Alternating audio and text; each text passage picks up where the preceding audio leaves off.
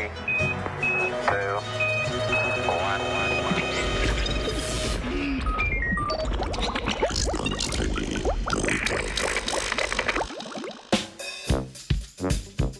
Z mislimi v robotih.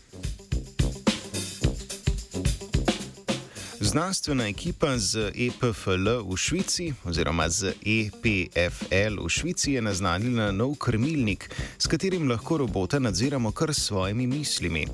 Tako imenovani umestniki med možgani in računalnikom sicer niso nov izum, vendar do sedaj niso bili najbolj zanesljivi, saj so poskušali generirati celotno gibanje glede na miselne vizualizacije človeka.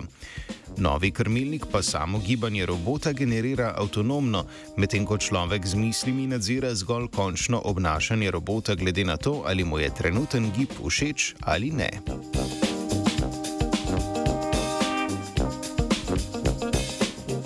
Predstavljen krmilnik temelji na preprostem algoritmu za avtonomno izogibanje oviram, ki so ga znanstvenice in znanstveniki sedaj nadgradili tako, da se gibanje prilagodi še glede na reakcijo posameznika na trenutni gib.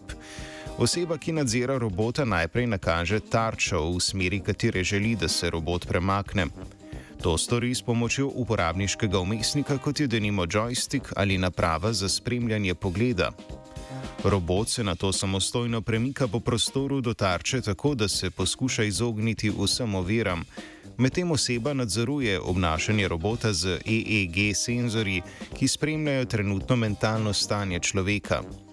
Glede na pozitivno ali negativno reakcijo osebe na trenutno premikanje robota okoli ovire, se algoritem nauči, ali je gibanje dobro ali slabo in ga temu primerno prilagodi.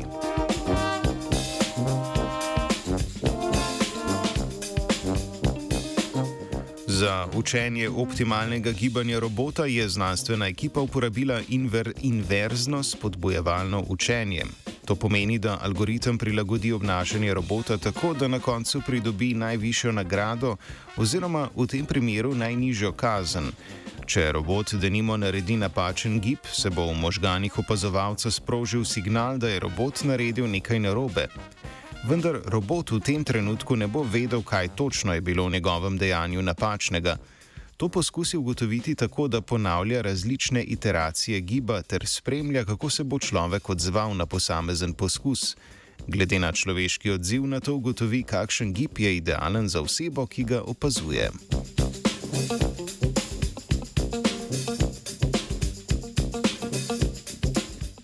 Znanstvenice in znanstveniki so sposobnosti robota preverili s predstavljanjem objektov in izogibanjem ovir.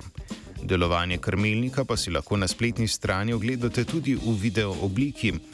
Čeprav je znanstvena ekipa pokazala, da lahko z novim krmilnikom nadziramo robota zgolj s svojimi mislimi, pa je predstavljena tehnologija zaenkrat še daleč od uporabnosti v vsakdanjih situacijah. Te so namreč veliko bolj kompleksne kot laboratorijski eksperimenti. Eden izmed takih primerov je denimo uporaba krmilnika za nadzor bioničnih protez pri ljudeh s poškodovano hrbtenico, na kar se želi znanstvena ekipa osredotočiti v prihodnosti.